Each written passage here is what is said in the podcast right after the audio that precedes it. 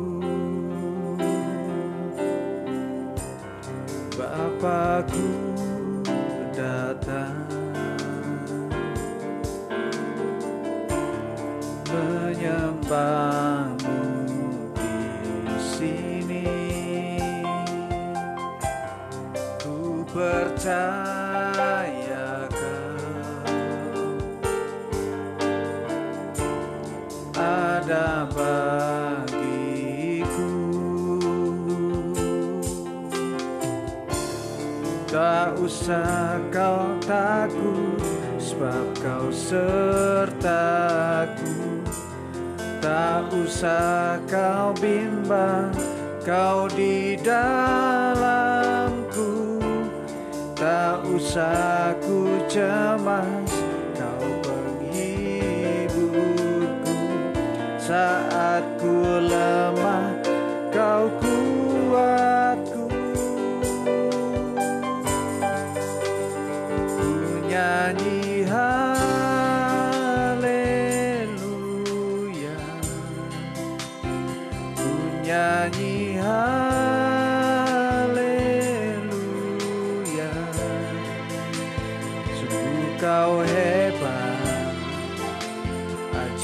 perkasa Perbuatanmu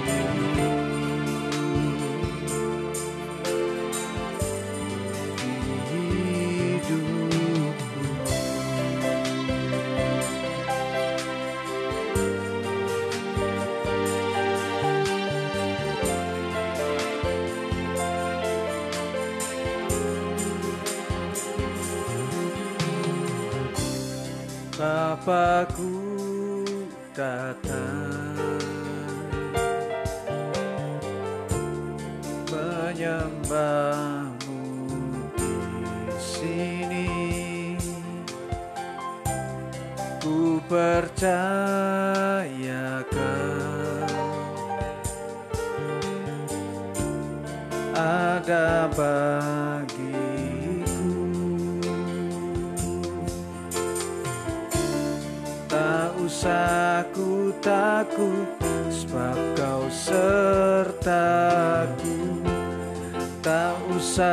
Ku bimbang kau di dalamku. Tak usah kau cemas kau penghiburku. Saat ku lemah kau kuatku. Ku nyanyi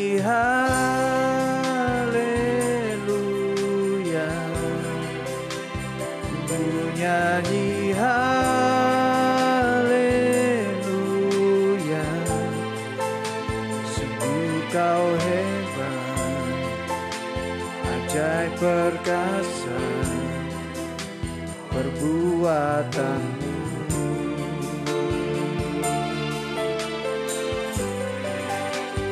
Ku nyanyi haleluya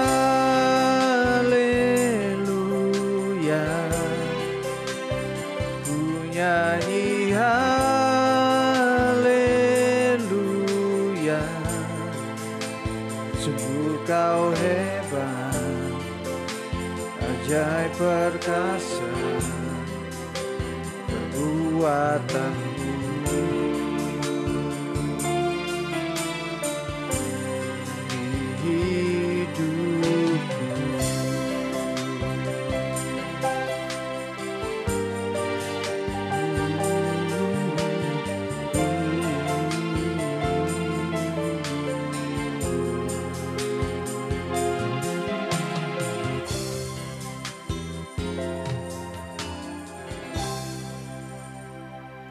Haleluya puji nama Tuhan karena kemurahannya yang membuat kita bisa hidup hingga hari ini dan memang karena kasihnya yang membuat kita bisa saling mengasihi satu sama lain.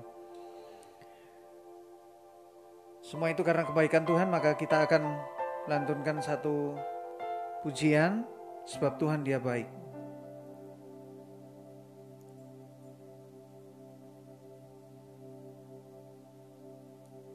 Sebelum itu kita akan memulai doa untuk doa awal ibadah oleh Bapak Pendeta Jeff Tari.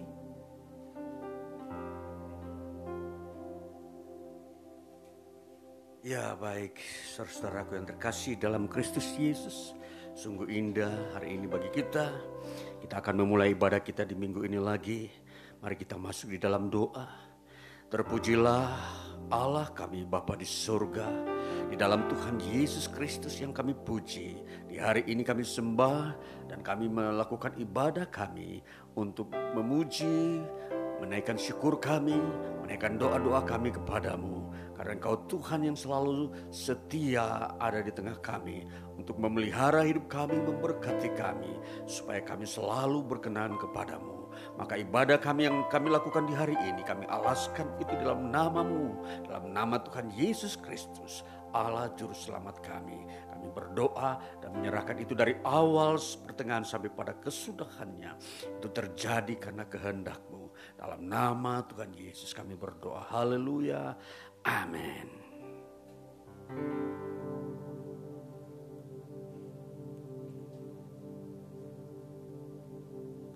Puji nama Tuhan. Kita akan melantunkan sebab Tuhan dia baik.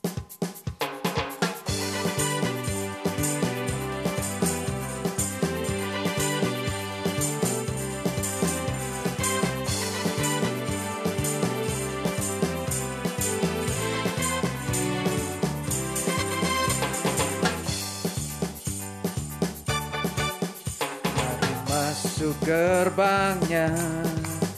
Dengan hati bersyukur halamannya dengan pujian. Penuhi baiknya dengan nyanyian syukur hadiratnya penuh sukacita Sebab Tuhan dia baik dan anugerahnya kekal selama-lamanya. Amin. Sebab Tuhan dia baik dan anugerahnya kekal selama-lamanya. Boleh kita bangkit berdiri? Bersorak bersama-sama.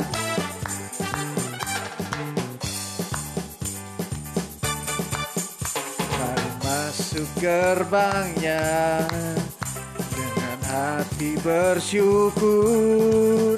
Halamannya dengan pujian. Penuhi itu, penuhi baitnya dengan nyanyian syukur hadirannya penuh sukacita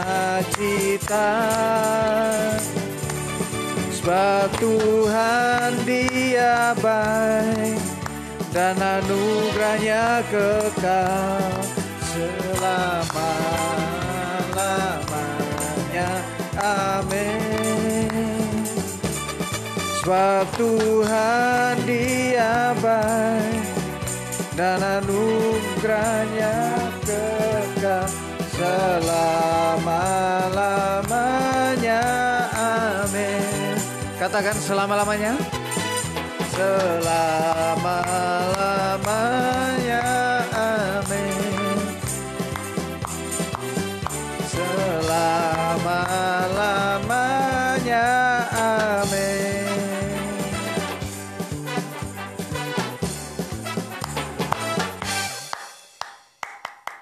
Boleh kita bersorak bagi Tuhan.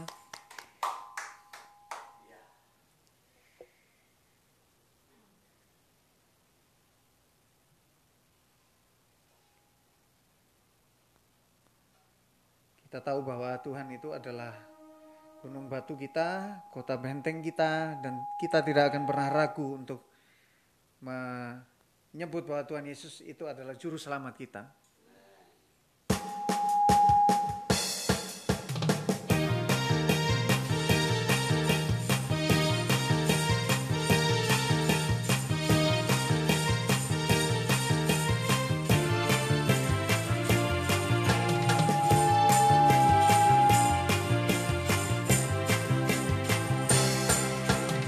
Kau gunung batuku dan kau kota bentengku tak akan ku ragu Kau menjamin hidupku.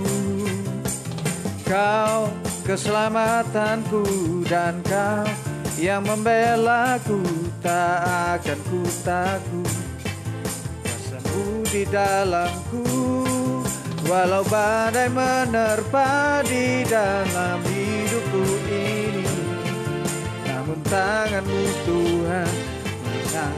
Mengangkatku tinggi Kau Tuhan yang benar. Tak pernah tinggalkan Dahulu sekarang selamanya Janjimu tak berubah. Kau Alfa dan Omega Awal dan akhir Semesta alam memuja Engkau Tuhan yang benar.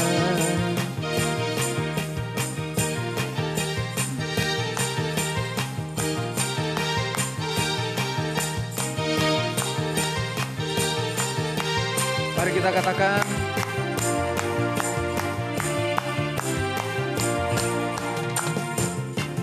Gunung batuku dan kau Kota bentengku tak akan ku ragu Kau menjamin hidupku.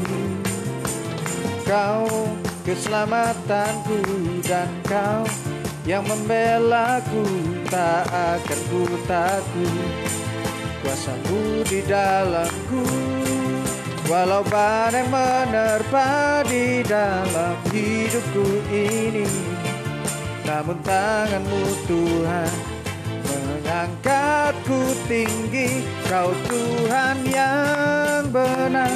Tak pernah tinggalkan Dahulu sekarang selamanya Janjimu tak berubah. Kau Alfa dan Omega Awal dan akhir. Semesta alam memuja Engkau Tuhan yang benar Semesta alam memuja Engkau Tuhan yang benar. Semesta alam memuja Engkau Tuhan yang benar. Haleluya. Jika ada saudara yang mau bersaksi dipersilakan untuk maju Jika tidak ada, kita akan melakukan pembacaan kitab Yesaya yang terambil dari pasal 57 ayat 1 hingga 21.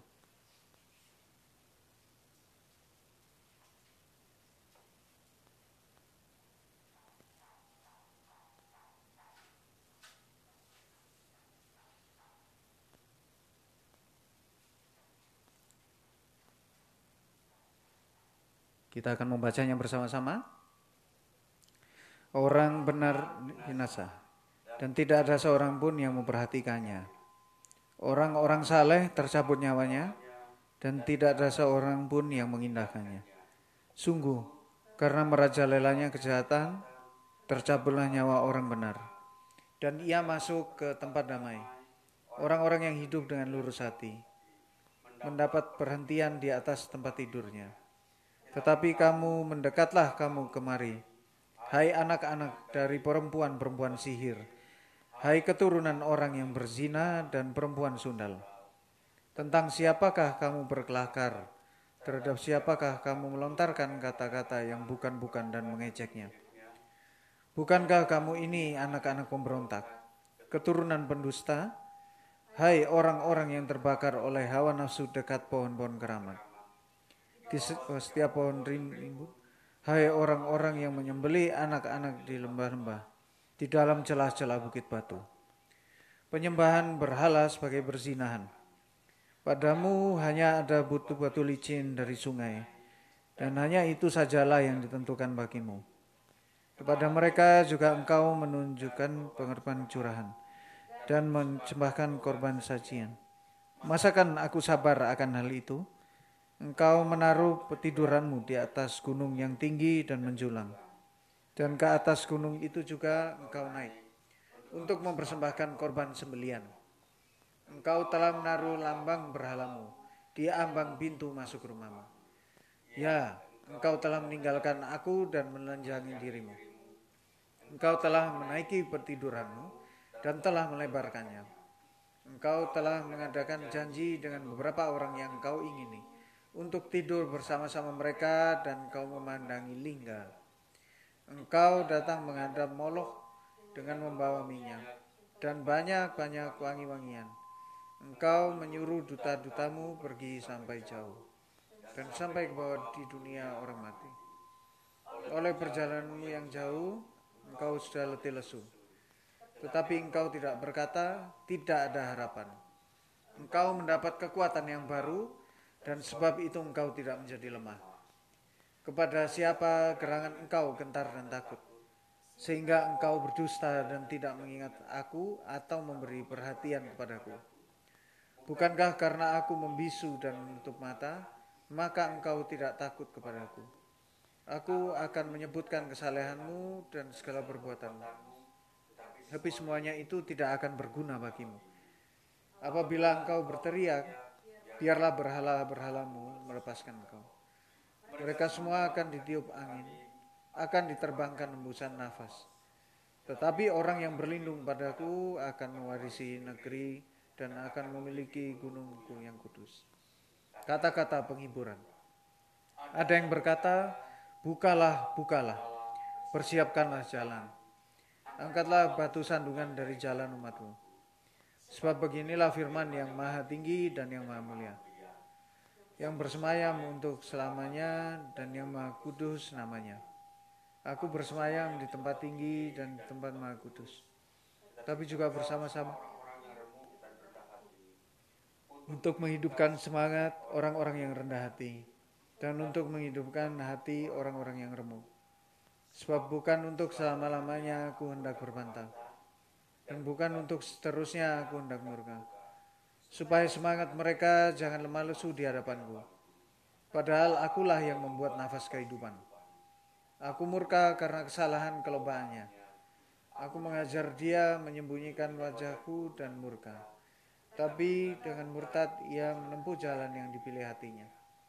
Aku telah melihat segala jalannya itu, tetapi aku akan menyembuhkan dan akan menuntun dia, dan akan memulihkan dia dengan penghiburan. Juga pada bibir orang-orang yang berkabung. Aku akan menciptakan puji-pujian, damai, damai sejahtera bagi mereka yang jauh dan bagi mereka yang dekat. Firman Tuhan, aku akan menyembuhkan dia. Tetapi orang-orang fasik adalah seperti laut yang berombak-ombak, sebab tidak dapat tetap tenang dan arusnya menimbulkan sampah dan lumpur. Tiada damai bagi orang-orang fasik itu, firman Allahku. Demikianlah firman Tuhan. Kita akan meresponi dengan menyanyikan sebuah lagu Yesus kau sungguh baik.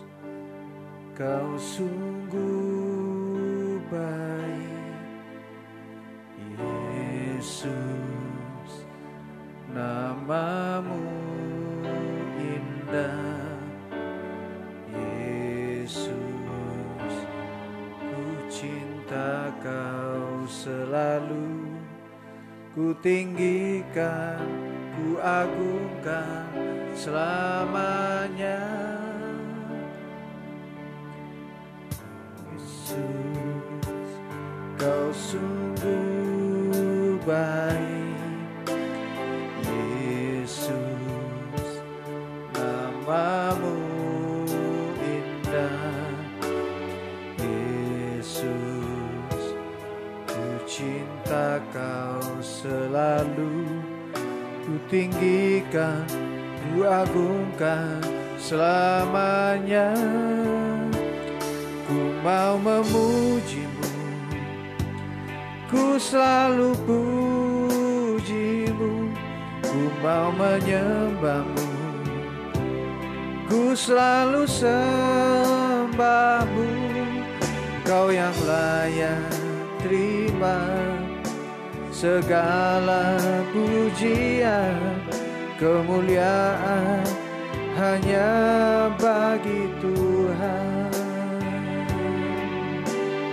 Tuhan Yesus, inilah kami Tuhan. Yesus, Kau sungguh baik. Yesus, namamu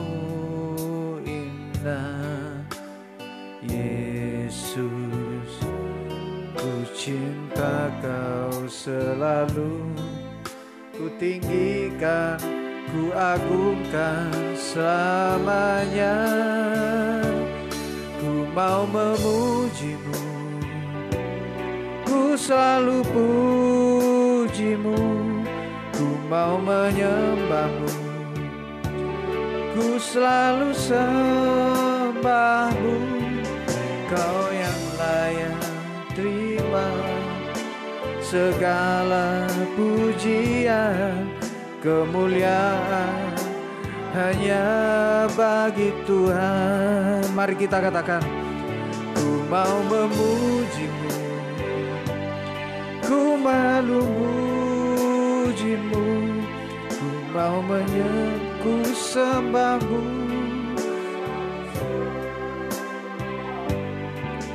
Kau yang layak terima segala pujian kemuliaan hanya bagi Tuhan. Semua kemuliaan dan keagungan tertuju padamu, Tuhan dan Rajaku, segenap jiwa dan nafasku. Menyembah Yesus yang hidup. Ku mau memujimu, ku selalu pujimu, ku mau menyembahmu, ku selalu sembahmu, kau yang layak terima semua pujian kemuliaan hanya bagi Tuhan.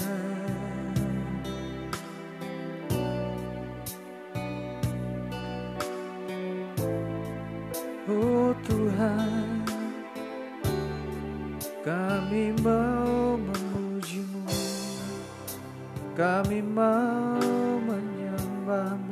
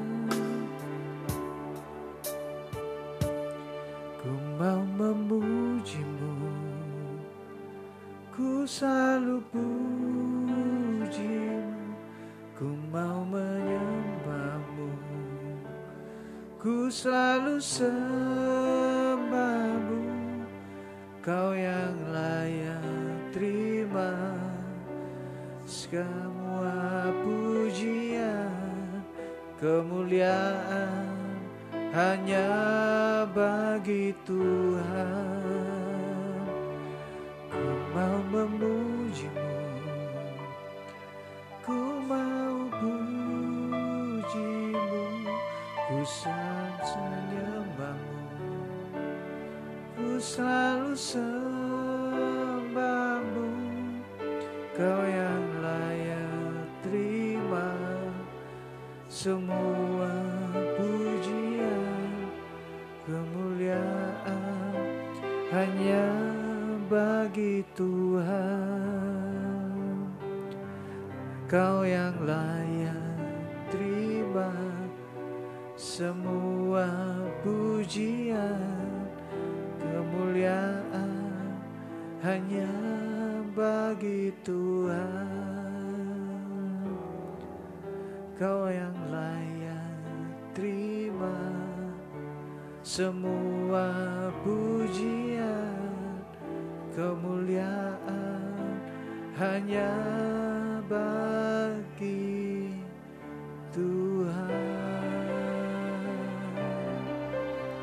kepada Bapak Pendeta Jeftari dipersilakan untuk memulai.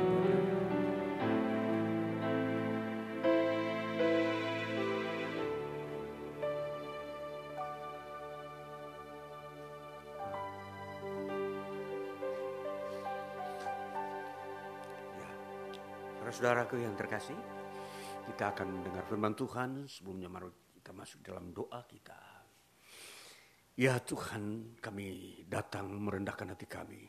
Terpujilah namamu kekal selama-lamanya. Kami memuji dan menyembahmu karena engkau Tuhan Allah yang hidup. Allah yang berkuasa, yang berfirman, yang mengetahui, yang menghakimi segala yang hidup. Engkau Tuhan yang kekal. Engkau yang menyelamatkan, yang mengampuni dosa. Terpujilah di kau Tuhan namamu yang kudus dan agung. Namamu mulia dalam Yesus Kristus Tuhan kami. Hanya engkau saja yang sangat mulia di antara yang ada di sorga dan yang di bumi.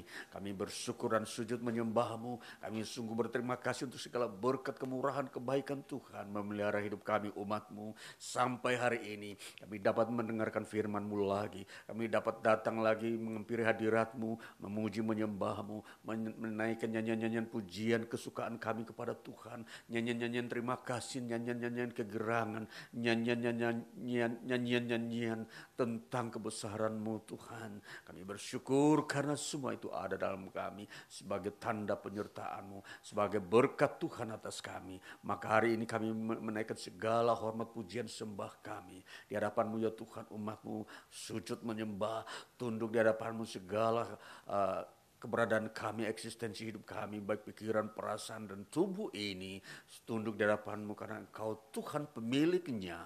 Maka kami bersyukur hari ini kami akan mendengarkan firmanmu di dalam nama Tuhan Yesus Kristus, di dalam kuasa namamu kami memberitakan firmanmu dan mendengarkan firmanmu supaya kami diberkati, kami dikuduskan, kami diangkat Tuhan di tempat di mana kemuliaan Tuhan ada dan berkat-berkat Tuhan tersedia. Maka dalam nama Tuhan Yesus kami berdoa dan bersyukur. Haleluya.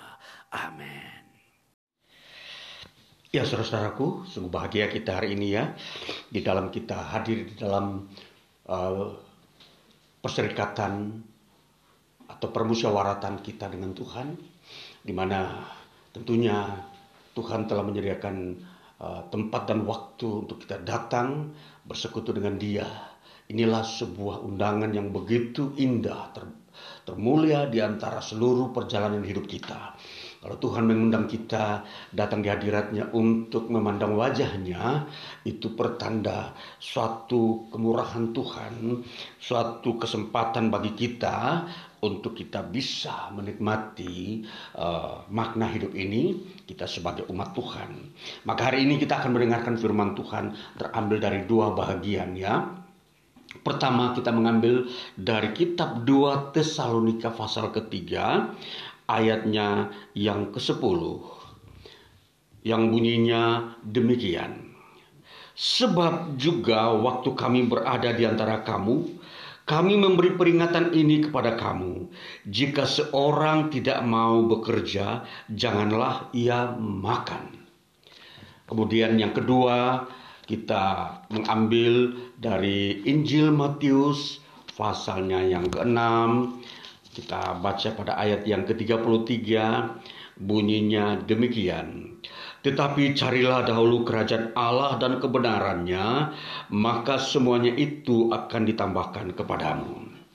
Ya, tentunya kita uh, telah mendengar ayat Matius 60 uh, Matius 6 ayat 33 ini telah berulang kali namun di situ kita akan membahas dari uh, sisi yang lain. Nah, ini, dan hari ini saudara-saudara, dari dua ayat pembacaan firman Tuhan yang kita sudah baca, maka saya akan memberikan tema uh, firman Tuhan di hari ini adalah makna berkat Tuhan. Ya, saudara-saudaraku yang terkasih, Memang kalau kita melihat hidup ini, tentunya kita akan bertanya-tanya. Dari mana datangnya sumber-sumber kehidupan kita? Sumber-sumber yang kita butuhkan yang akan memenuhi kehidupan kita di dunia ini. Tentunya ini sebuah pertanyaan yang perlu dijawab secara iman, secara pemahaman iman Kristen. Dari mana sumber-sumber hidup ini? Dan tentunya kita akan mau menelusuri setiap sisi-sisi kehidupan kita. Kita akan mau uh, melihat dari mana kita mendapatkan kesehatan.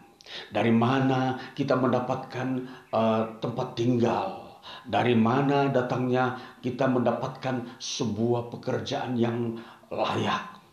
Dari mana kita mendapatkan sebuah uh, keadaan sejahtera dalam keluarga. Nah, dari mana semua itu? Dan tentunya kita akan menarik kesimpulan secara iman Kristen lagi bahwa itu datangnya dari Tuhan. Itu adalah berkat Tuhan. Nah, sungguh menarik tentang berkat Tuhan ini. Berkat Tuhan ini tentunya uh, kita lihat dari dua sisi ya.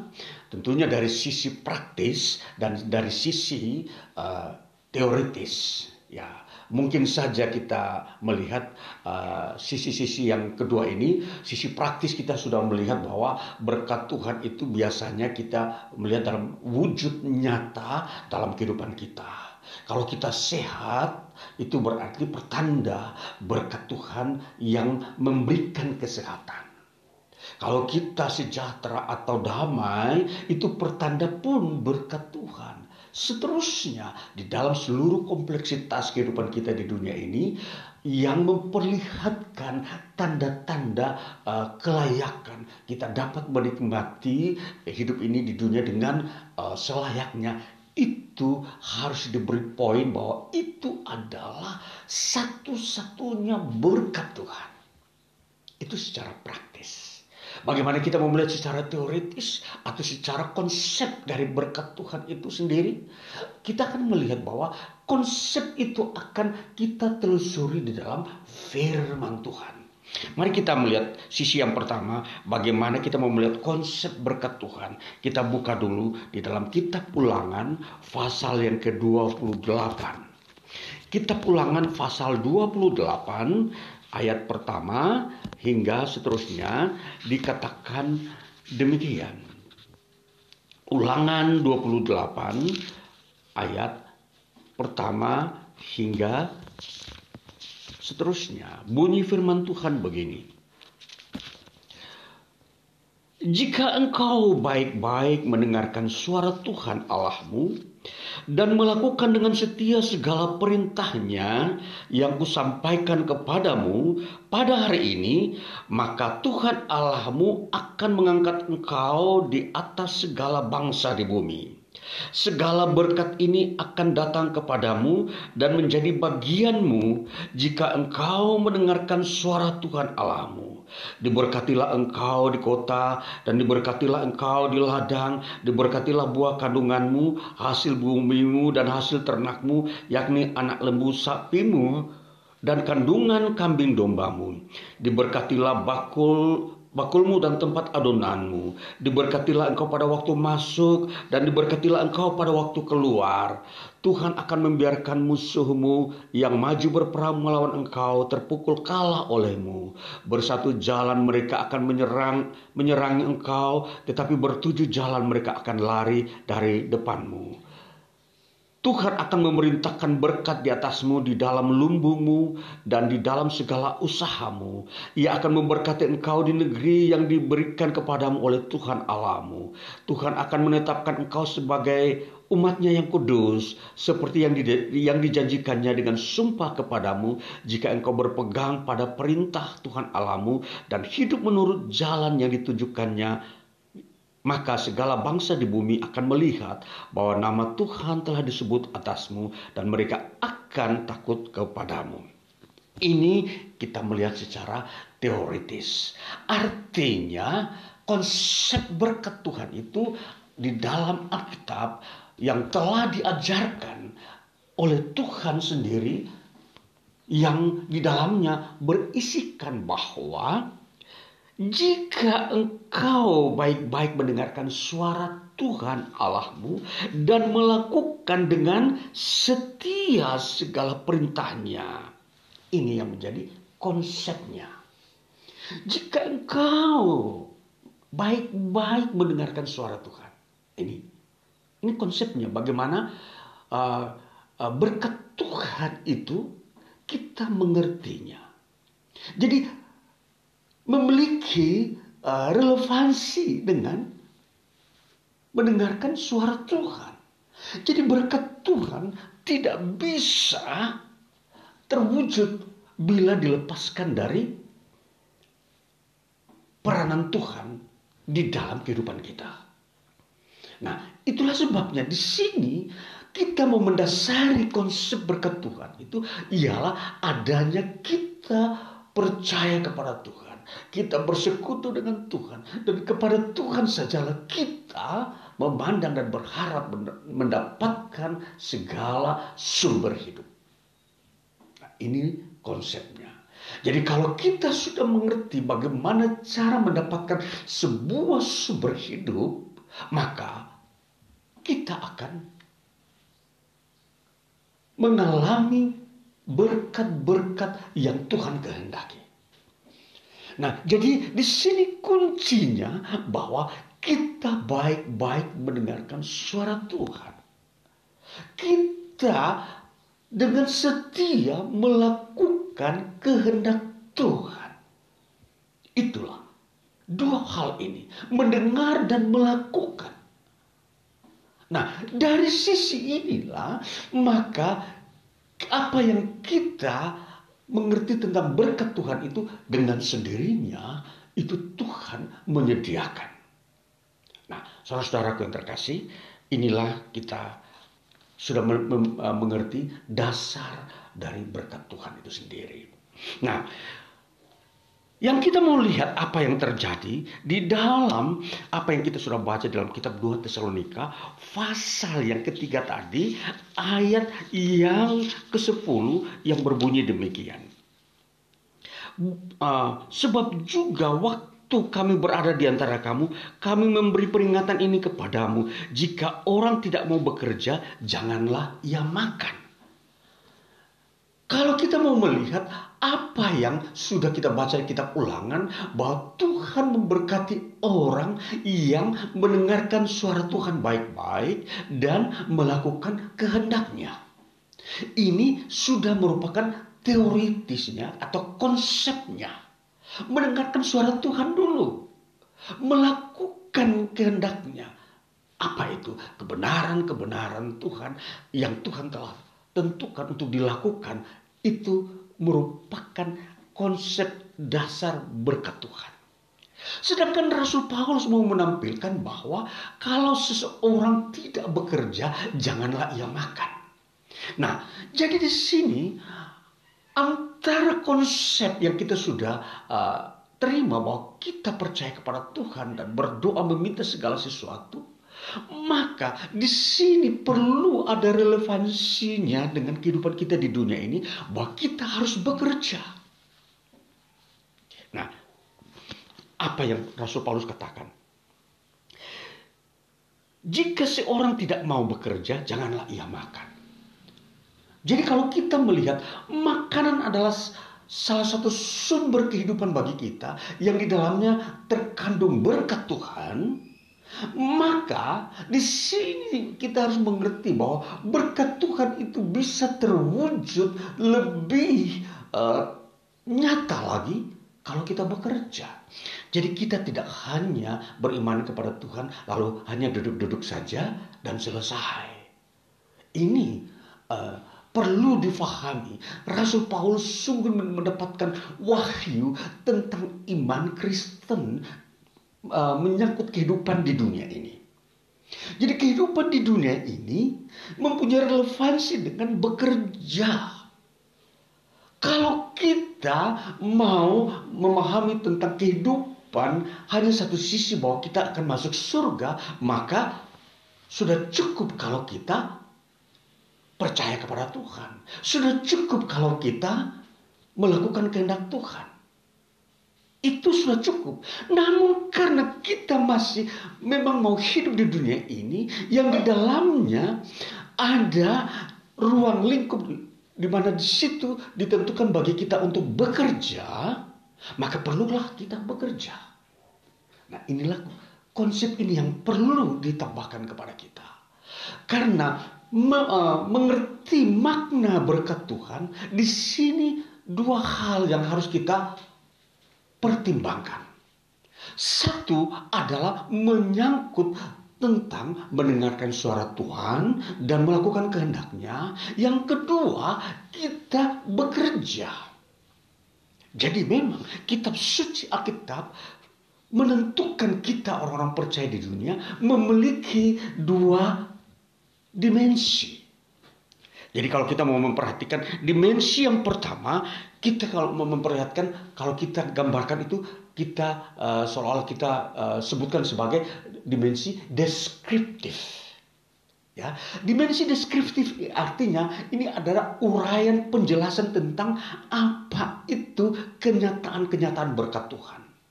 Kenyataan-kenyataan berkat Tuhan itu sudah dijelaskan bahwa mendengarkan suara Tuhan dan melakukan kehendaknya itu deskriptifnya itu penjelasan tentang berkat Tuhan.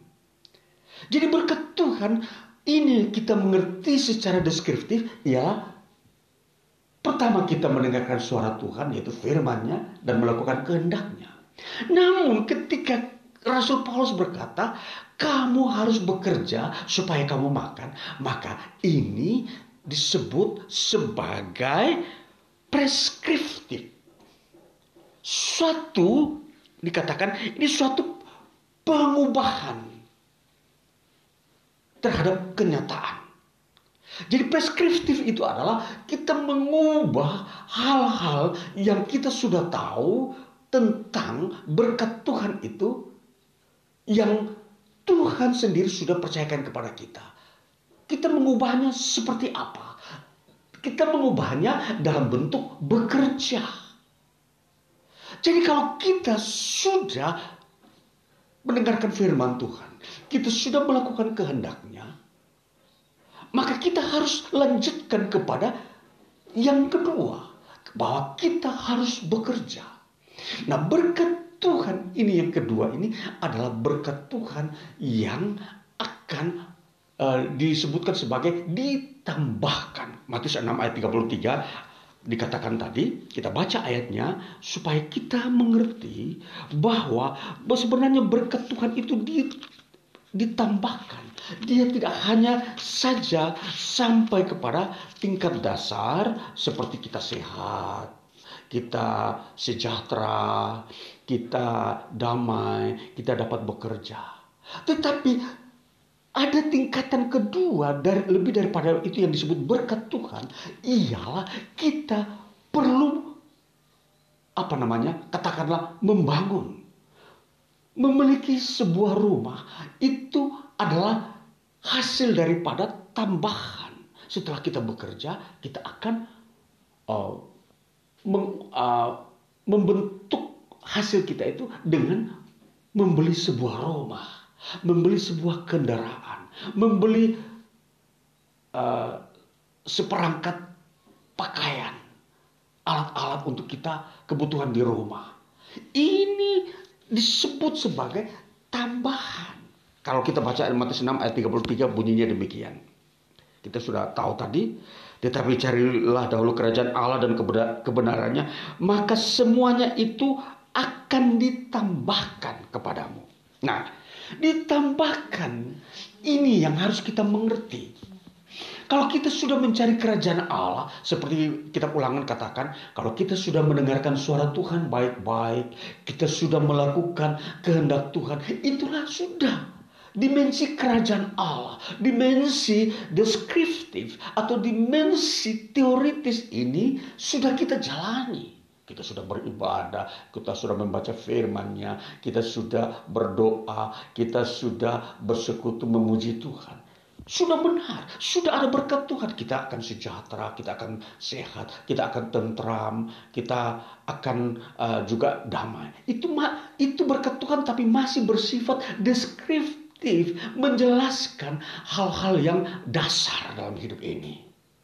Tetapi untuk mendapat berkat Tuhan yang ditambahkan atau bertingkat yang lebih lanjut, yang dikatakan oleh Injil Matius 6 ayat 33 ditambahkan dalam jumlah uh, kuantitasnya.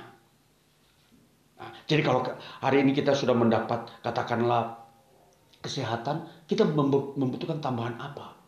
Yaitu bisa saja rumah atau kendaraan atau uh, perabot-perabot yang lain. Ini semua bagian daripada berkat Tuhan. Dan dan kita golongkan kepada berkat Tuhan tingkat lanjut. Berkat Tuhan yang disebut ditambahkan. Jadi tentunya kita ini di dunia ini membutuhkan itu. Jadi ini kita mau pahami makanya Paulus berkata dia harus bekerja supaya dia makan karena makanan tidak bisa datang dengan sendirinya harus lewat bekerja. Nah, inilah konsep kita mau mengerti makna berkat Tuhan.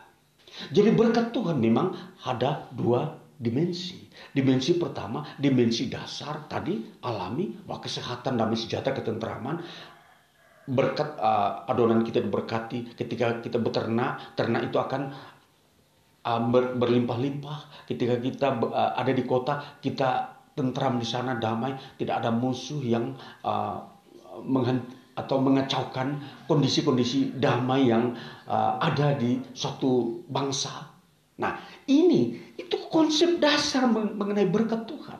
Bagaimana konsep lanjut yang disebut preskriptif tadi? Merubah atau menambahkan apa yang disebut berkat Tuhan. Maka Rasul Paulus berkata, hendaklah kamu bekerja bekerja tentunya di sini konsepnya luas. Setiap orang harus mempunyai keahlian, kemampuan untuk bekerja. Nah, jadi bekerja menjadi kunci supaya berkat Tuhan yang bertingkat ini, yang berkelanjutan ini terwujud. Bisa saja kita tidak bekerja, tidak mengapa. Kita tetap diberkati Tuhan dengan cara berdoa. Tadi kita sudah diberkati kita sehat sejahtera. Namun kita tidak bisa memiliki katakanlah rumah, kita tidak bisa memiliki kendaraan yang sekarang. Mungkin perabot-perabot kita bisa kita bisa mungkin mengontrak rumah dengan kosong. Kita tinggal di dalamnya tidur di lantai boleh. Itu kalau konsep dasarnya begitu. Masih dalam deskriptif berkat Tuhan yang bersifat deskriptif tetapi kalau kita mau mulai berkat Tuhan secara perspektif, eh, preskriptif yang berkelanjutan yang ditambahkan kita harus bekerja. Maka ini berdoalah supaya kita punya pekerjaan atau kita menciptakan pekerjaan. Kita menjadi seorang peternak boleh, Beter, uh, peternak atau uh, petani di, uh, di apa namanya kita punya ladang kita bertani silahkan. Kalau kita punya dagang kita berdagang boleh kita ciptakan dengan pekerjaan yang akan menghasilkan sebuah berkat Tuhan untuk kemajuan. Jadi iman Kristen bukan saja memiliki konsep-konsep tentang surga. Tetapi memiliki konsep-konsep juga di dunia ini. Bagaimana menata dan mengelola dunia agar kita berkembang. Inilah yang kita masuk di dalam pemahaman konsep iman Kristen secara komprehensif. Secara lengkap, secara menyeluruh. Atau sering kali kita mendengar istilah secara holistik. Ya, ini istilah-istilah yang memang keren sekarang ini dipakai oleh orang uh, yang memang sudah difahami bahwa secara menyeluruh baik di dimensi rohani, dimensi jasmani. Ini iman Kristen ada di dalamnya, sudah mempersiapkan konsep-konsepnya. Jadi kita manusia yang sudah menerima konsep-konsep dari Tuhan ini tinggal kita menjalankannya. Tentunya ini kita akan berjalan di dalam jalannya Tuhan. Jadi percaya kepada Tuhan dan bekerja itu adalah jalannya Tuhan. Tuhan tidak pernah mengajarkan orang untuk bermalas-malas, duduk-duduk saja, tidur, makan, bangun, tidur, makan, bangun, tidak ada bekerja. Ini bukan seperti itu. Jadi di sinilah kita mau mengerti makna berkat Tuhan. Jadi kalau kita bekerja itulah kehendak Tuhan. Kalau kita bekerja itulah memang kita sedang melakukan perintah Tuhan. Jadi kalau kita bekerja itu bukanlah sesuatu melanggar perintah Tuhan. Jadi perintah Tuhan itu di sisi rohani dan di sisi jasmani. Dua hal ini secara holistik berjalan. Kita berdoa itu melakukan kehendak Tuhan. Kita bekerja di ladang pun itu melakukan kehendak Tuhan. Jadi inilah yang kita paham tentang berkat Tuhan.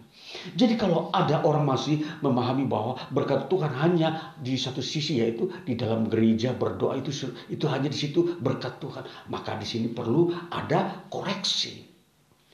Perlu kita melihat berkat Tuhan itu justru memiliki uh, dimensi yang holistik, yang sempurna di dalam dunia iman, rohani dan di dalam dunia pekerjaan. Itu berkat Tuhan. Makanya kalau kita bekerja, kita bekerja sungguh-sungguh. Kalau kita berdoa pun, kita berdoa sungguh-sungguh. Semuanya itu dilakukan dengan sungguh-sungguh. Berdoa dengan sungguh-sungguh. Bekerja pun dengan sungguh-sungguh. Jadi kalau kita mau memahami semua dalam kesungguhan, maka di sini berkat Tuhan kita akan menerimanya secara sempurna, secara komprehensif, lengkap. Tingkat dasar dan tingkat lanjut. Tingkat dasar tentunya kita sehat kita damai aman. Tingkat lanjut kita dapat memiliki fasilitas-fasilitas yang kita butuhkan di dunia ini. Maka jangan heran, jangan uh, uh, uh, mencibir-bibir kepada orang yang mendapat berkat Tuhan bertingkat. Karena dia fahami, dia jalani, mengerti berkat Tuhan. Kalau ada seseorang anak Tuhan, dia diberkati Tuhan, dia memiliki fasilitas-fasilitas yang lengkap, itu karena dia telah memasuki konsep-konsep berkat Tuhan yang lebih lanjut yang ditambahkan. Dia berdoa dan dia juga bekerja. Maka berkat Tuhan dia dapat menerima berkat yang berkelanjutan. Nah ini saudara-saudaraku yang terkasih, mari kita pahami istilah makna berkat Tuhan secara benar, secara uh, lengkap berdasarkan firman Tuhan. Jadi firman Tuhan yang disajikan bagi kita Injil Matius 6 ayat 33 dan 2 Tesalonika uh, 3 ayat 10 ini memberikan tekanan yang tegas bahwa berkat Tuhan itu memiliki dua dimensi. Dimensi uh, yang satu ya deskriptif dan preskriptif. Yang satu yang bersifat yaitu uh, hal-hal rohani yang tentunya damai sejahtera, kenyamanan dan sehat. Dan yang kedua adalah fasilitas-fasilitas baik makanan, baik uh, berupa uh, rumah, uh, kendaraan dan semua perabot-perabot yang tentunya didapatkan dengan membeli dengan uang yang kita dapatkan hasil bekerja kita gunakan untuk membeli dan ini benar adanya tidak berdosa dan tidak bersalah bila kita memiliki uang yang banyak. Hasil dari bekerja. Jadi dari semua itu kita mengerti bahwa berkat Tuhan itu akan terwujud kepada orang yang memahami, menjalankan uh, proses-proses uh, agar berkat Tuhan itu terwujud. Jadi kalau seseorang sudah bekerja dengan baik, dengan kerja keras sungguh-sungguh, tidak salah kalau dia menjadi seorang yang kaya. Dia memiliki banyak uang, tidak salah. Jadi kalau semua itu dilakukan dengan benar, maka dia akan sejahtera. Dia akan dipakai Tuhan untuk mempermuliakan nama Tuhan dengan berkat yang dia terima dari Tuhan. Nah, ini saudara-saudaraku yang terkasih, untuk kita mengerti dimensi-dimensi iman Kristen yang lebih luas. Jadi kita tidak hanya uh, ditekaskan atau ditekankan untuk beribadah, untuk mengerti bagaimana berdoa dengan baik, bagaimana uh, membaca firman Tuhan dengan baik dan benar. Tidak hanya berhenti di situ. Kita akan dituntun oleh firman Tuhan masuk kepada dimensi yang lebih luas dan lebih jauh untuk memperlengkapi bahwa hidup di dunia ini perlu kelengkapan-kelengkapan yang yang tepat, yang kompleks untuk kita bisa sukses di dunia ini. Maka saudara yang terkasih, jangan Anda uh, merasa uh, gelisah kalau Anda uh, berdoa dengan keras atau dengan giat, bekerja juga dengan giat. Itu benar. Lakukan itu. Itu kebenaran Alkitab. Firman Tuhan ini sungguh-sungguh sempurna. Alkitab yang Tuhan sediakan bagi kita ini, Tuhan tahu kesempurnaan yang uh, akan uh, hadir dalam kehidupan umatnya. Dan ini yang kita harus pahami bahwa bahwa berkat Tuhan itu perlu kita uh, mengerti prosedurnya bagaimana berkat Tuhan itu bisa kita nikmati di dalam hidup kita di dunia ini. Kalau kita mau uh, katakanlah juga uh, bicara lebih luas soal preskriptif berkat Tuhan ini, kalau Anda kuliah, belajarlah dengan giat. Kalau Anda uh, membuka usaha, buka usaha dengan giat, dengan tekun, supaya usaha itu berkembang. Dan semua ini harus uh, kita kembangkan. Mengembangkan hidup di dunia ini adalah benar. Karena memang ajaran firman Tuhan bahwa itu akan ditambahkan. Rumusan ditambahkan itu artinya kita akan berkembang.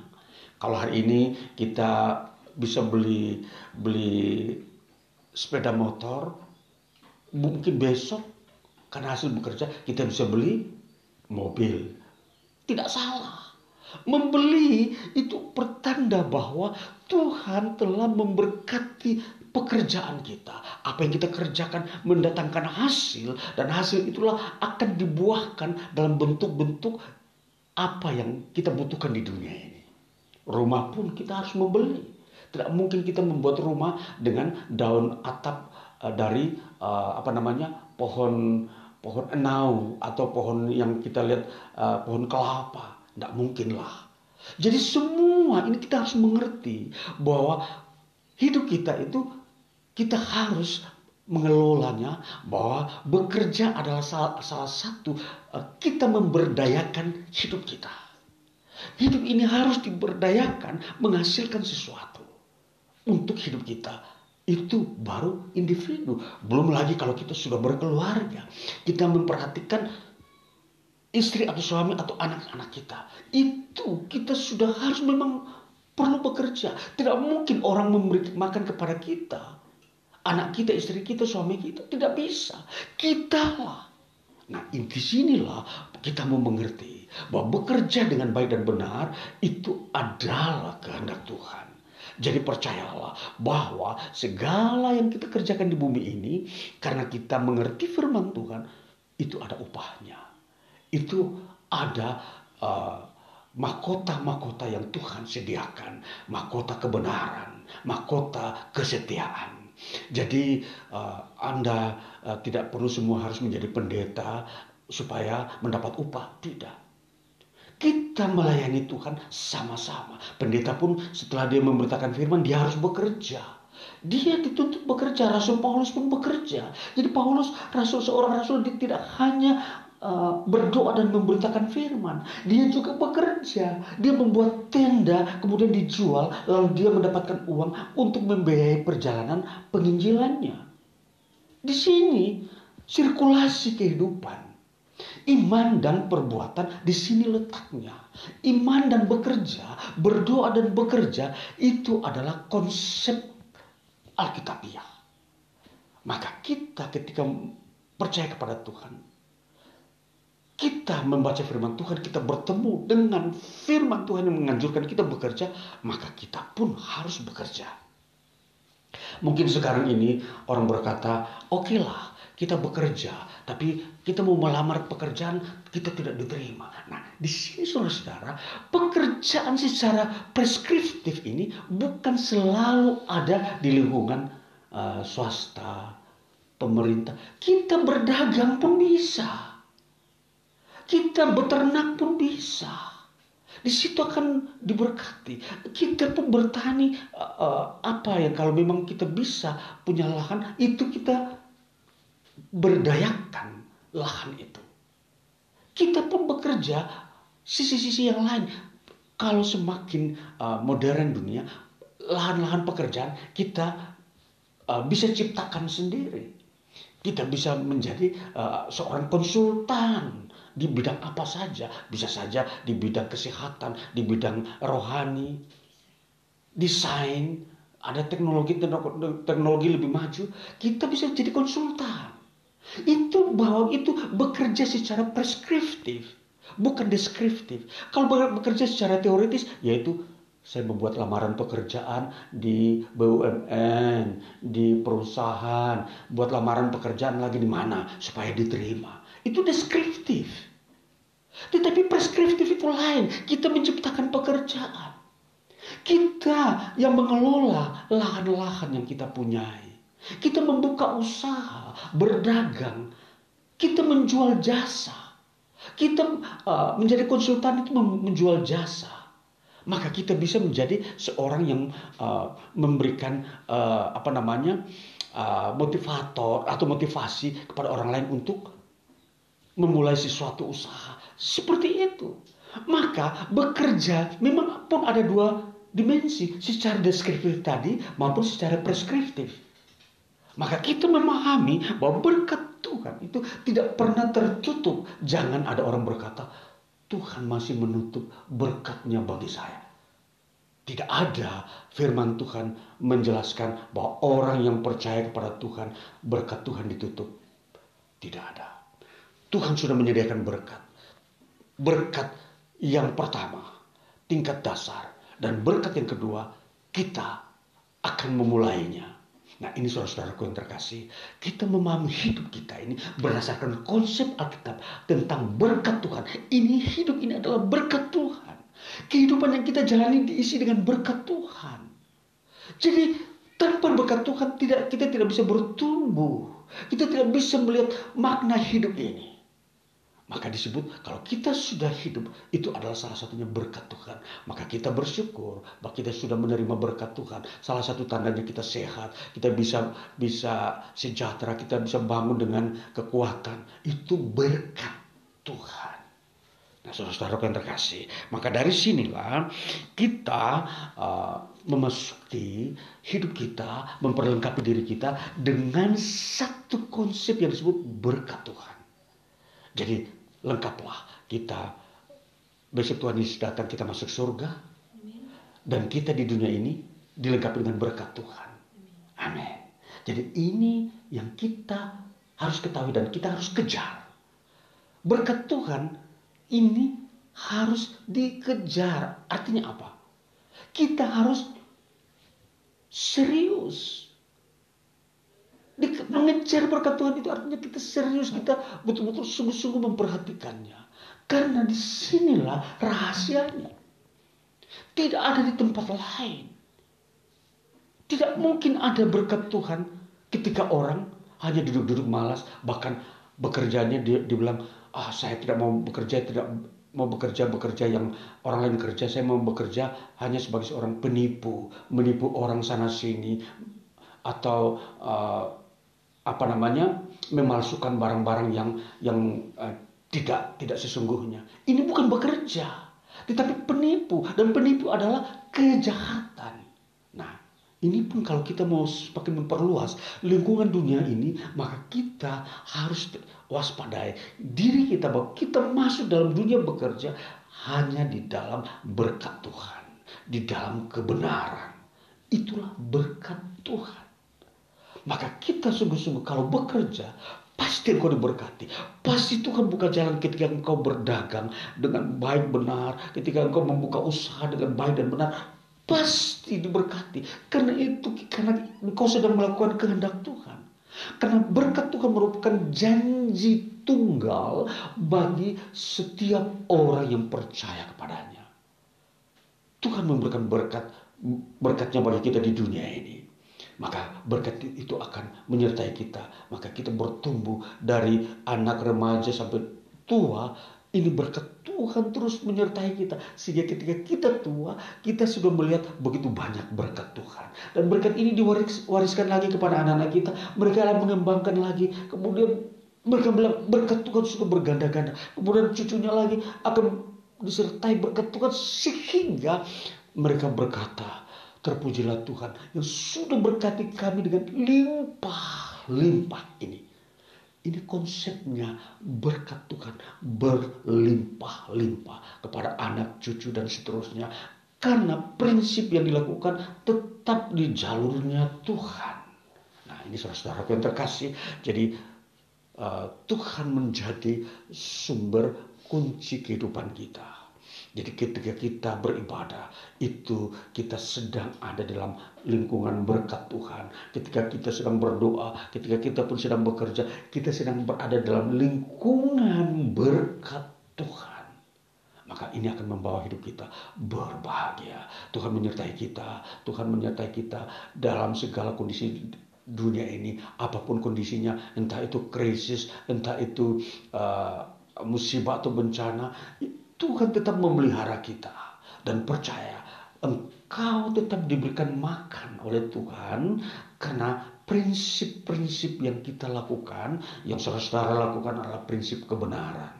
Dan inilah Tuhan memperhatikan orang-orang yang benar di muka bumi. Tuhan tidak pernah terlambat menolong mereka. Tuhan tidak pernah meninggalkan mereka ketika ada dalam kondisi-kondisi apa pun di dunia ini. Dan itulah sebabnya janji Tuhan adalah janji yang ya dan amin. Tuhan selalu berfirman, Tuhan selalu mengerjakan menepati janji-janjinya. Jadi berkat Tuhan perhatikan sekali lagi, pasti kita sudah uh, siap menerimanya karena kita sudah mengerti prosedur-prosedur berkat Tuhan. Maka biarlah firman Tuhan di hari ini bagi kita, meneguhkan kita, menuntun kita masuk ke dalam lingkungan kehidupan yang lebih real, lebih nyata lagi, yang membahagiakan hidup kita. Tuhan Yesus memberkati kita dengan firman-Nya hari ini supaya kita lebih Uh, bertumbuh di dalam iman kita. Tuhan Yesus memberkati kita dan hari ini kita masuk dalam doa syafaat lagi supaya kita meneruskan doa-doa kita apa yang harus kita doakan lagi supaya Tuhan membuka jalan. Mari kita masuk dalam doa syafaat kita. Bapa kami di surga, kami bersyukur terima kasih untuk firman-Mu yang sungguh indah menguatkan kami, yang membuka wawasan kami lagi tentang berkat-Mu, bahwa berkat-Mu ini sungguh ada dan nyata, bahwa berkat-Mu telah Kau sediakan secara uh, konsep konseptual di mana kami mendengarkan suara Tuhan, membaca firman-Mu, berdoa dan melakukan kehendak-Mu. Kemudian lebih daripada itu, kami masuk di dalam uh, berkat Tuhan secara preskriptif, di mana di situ kami bekerja. Kami bekerja di semua potensi-potensi diri yang kami punyai, sehingga di situ mendatangkan uh, uh, berkat-berkat kelanjutan berupa keuangan-keuangan yang kami butuhkan. Baik untuk membangun rumah, baik untuk membangun rumah tangga, baik untuk mem membeli uh, perabot-perabot kebutuhan hidup di dalam dunia ini. Semua ini Tuhan, kami percaya Engkau memberkati. Maka biarlah setiap orang yang uh, bekerja baik di pemerintah, perusahaan maupun berusaha membangun usaha, mereka bekerja dengan sungguh-sungguh berkati mereka. Karena itulah kehendakmu ya Tuhan. Mereka bekerja menghasilkan. Ketika mereka bertani, beternak, mereka pun berhasil. Tidak ada yang tidak berhasil. Tuhan, itulah firman-Mu. Maka kami melihat kenyataan kebenaran ini. Maka kami hidup dengan penuh keberanian di dunia ini. Dengan iman bahwa Tuhan pasti memberkati. Bahwa Tuhan berada di balik semua kehidupan ini. Bahwa berkat Tuhanlah yang menjadi eh, dasar bangunan yang teguh bagi perjalanan hidup kami di dunia ini. Berkat-Mu sangat kami butuhkan. Dan karena kami percaya, maka kami akan menerima berkat itu. Kami akan bekerja kami bekerja di mana pun yang memang Tuhan kehendaki dalam kebenaran. Di situ kami akan uh, melihat hasil-hasil yang kami kerjakan. Maka saat-saat ini berkatilah umatmu yang bekerja sebagai pedagang mereka mendagang mendagangkan barang-barang yang mereka beli kemudian mereka menjualkan kembali mereka yang berusaha membuat roti untuk diperjualkan lagi. Berkati itu. Mereka yang menjadi konsultan uh, menawarkan uh, uh, kemampuan-kemampuan memproduksi hal-hal baik bersifat teknologi. Tuhan memberkati. Dan mereka yang bekerja di perusahaan pun Tuhan memberkati. Di rumah tangga Tuhan memberkati. Mereka bekerja sebagai uh, tukang-tukang bangunan pun Tuhan memberkati. Maka semua itu akan mendatangkan hasil-hasil di dalam kehidupan mereka dan akan mem, uh, mengembangkan akan berkat Tuhan dalam diri mereka dengan bisa membeli keperluan-keperluan mereka baik rumah, baik makanan, baik pakaian dan selanjutnya. Tuhan, kami percaya semua ini adalah hikmat-Mu untuk kami mengelola, memberdayakan hidup kami. Kami harus bekerja bekerja, kami harus uh, menghasilkan hidup ini untuk kemuliaan nama Tuhan. Kami bersyukur Tuhan. Maka biarlah hari-hari ini memasuki minggu-minggu ini lagi Tuhan memberkati setiap umatmu memasuki minggu berikutnya. Tangan Tuhan ada memberikan hikmat sehingga semua uh, kemampuan-kemampuan umatmu mereka dapat uh, memultiplikasikan itu di dalam dunia kerja. Tuhan kami percaya semua ini akan membahagiakan kami. Dan kami terus memuji Engkau. Dan kami terus beribadah. Dan kami terus uh, bersekutu dengan Tuhan bersama-sama umatmu yang lainnya. Bersuka cita bersama melakukan kebenaran-kebenaranmu. Maka berkati juga umatmu tempat lain yang mendengarkan firmanmu melalui podcast ataupun YouTube ini. Berkati mereka biar mereka diberi motivasi yang kuat untuk mau masuk dalam dunia nyata dunia bekerja dan dunia iman. Itu uh, memiliki keseimbangan yang yang uh, selaras sehingga akan membawa dampak uh, sejahtera yang berlimpah-limpah. Terima kasih kami berdoa untuk pekerjaanmu, pemberitaan Injil, uh, firmanmu diajarkan biar itu semakin dalam, semakin luas. Berkati pemerintah kami, pun lingkungan bangsa kami ini tetap mengalami sejahtera, keamanan, dan pertumbuhan-pertumbuhan kehidupan, baik ekonomi, perjalanan-perjalanan ekonomi bangsa kami, biarpun itu mengalami pertumbuhan dan kemudian banyak orang datang tunduk menghampiri hadiratmu me, uh, mengucapkan terima kasih untuk berkat Tuhan terhadap bangsa kami. Maka kami menaikkan doa syafaat ini Bapa kepadamu. Berkati keluarga-keluarga umatmu yang berada di kota uh, Malang Raya ini. Berkati mereka siang dan malam dalam pekerjaan jerih payah berkati supaya hari-hari hidup ke depan mereka melihat berkatmu menyertai dan berlimpah-limpah berkat itu terjadi. Terima kasih maka turunlah anugerah dari surga atas kami. Kasih belas kasihanmu Bapa, uh, persekutuan dengan Tuhan Yesus Kristus, penguburan Roh Kudus menyertai kami selalu siang dan malam, memasuki hari, bulan, minggu, bulan dan tahun-tahun ke depan. Semua disertai karena Tuhan bekerja dengan aktif di dalam hidup kami dalam membangun jemaatmu Dalam nama Tuhan Yesus Kristus dan kami berdoa sesuai dengan apa yang Tuhan ajarkan kepada kami. Bapa kami yang di surga, dikuduskanlah namamu, datanglah kerajaanmu, jadilah kehendakmu di bumi seperti di surga. Berikanlah kami pada hari ini makanan kami yang secukupnya, dan ampunilah kami akan kesalahan kami, seperti kami juga mengampuni orang yang bersalah kepada kami. Dan janganlah membawa kami ke dalam pencobaan, tetapi lepaskanlah kami daripada yang jahat karena engkau yang punya kerajaan, kuasa dan kemuliaan sampai selama-lamanya. Terima kasih Yesus.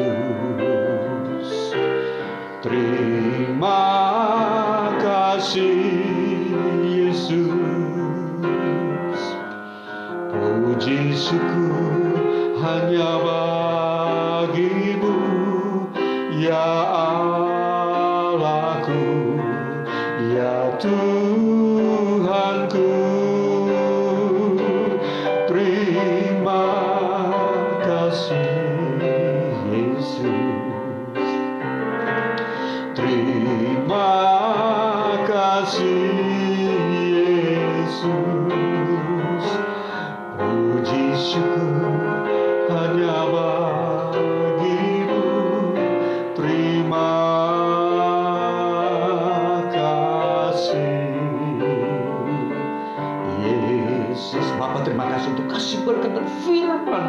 yang kau berikan bagi kami ini. Dalam nama Tuhan Yesus kami berdoa dan bersyukur. Haleluya. Amin. Puji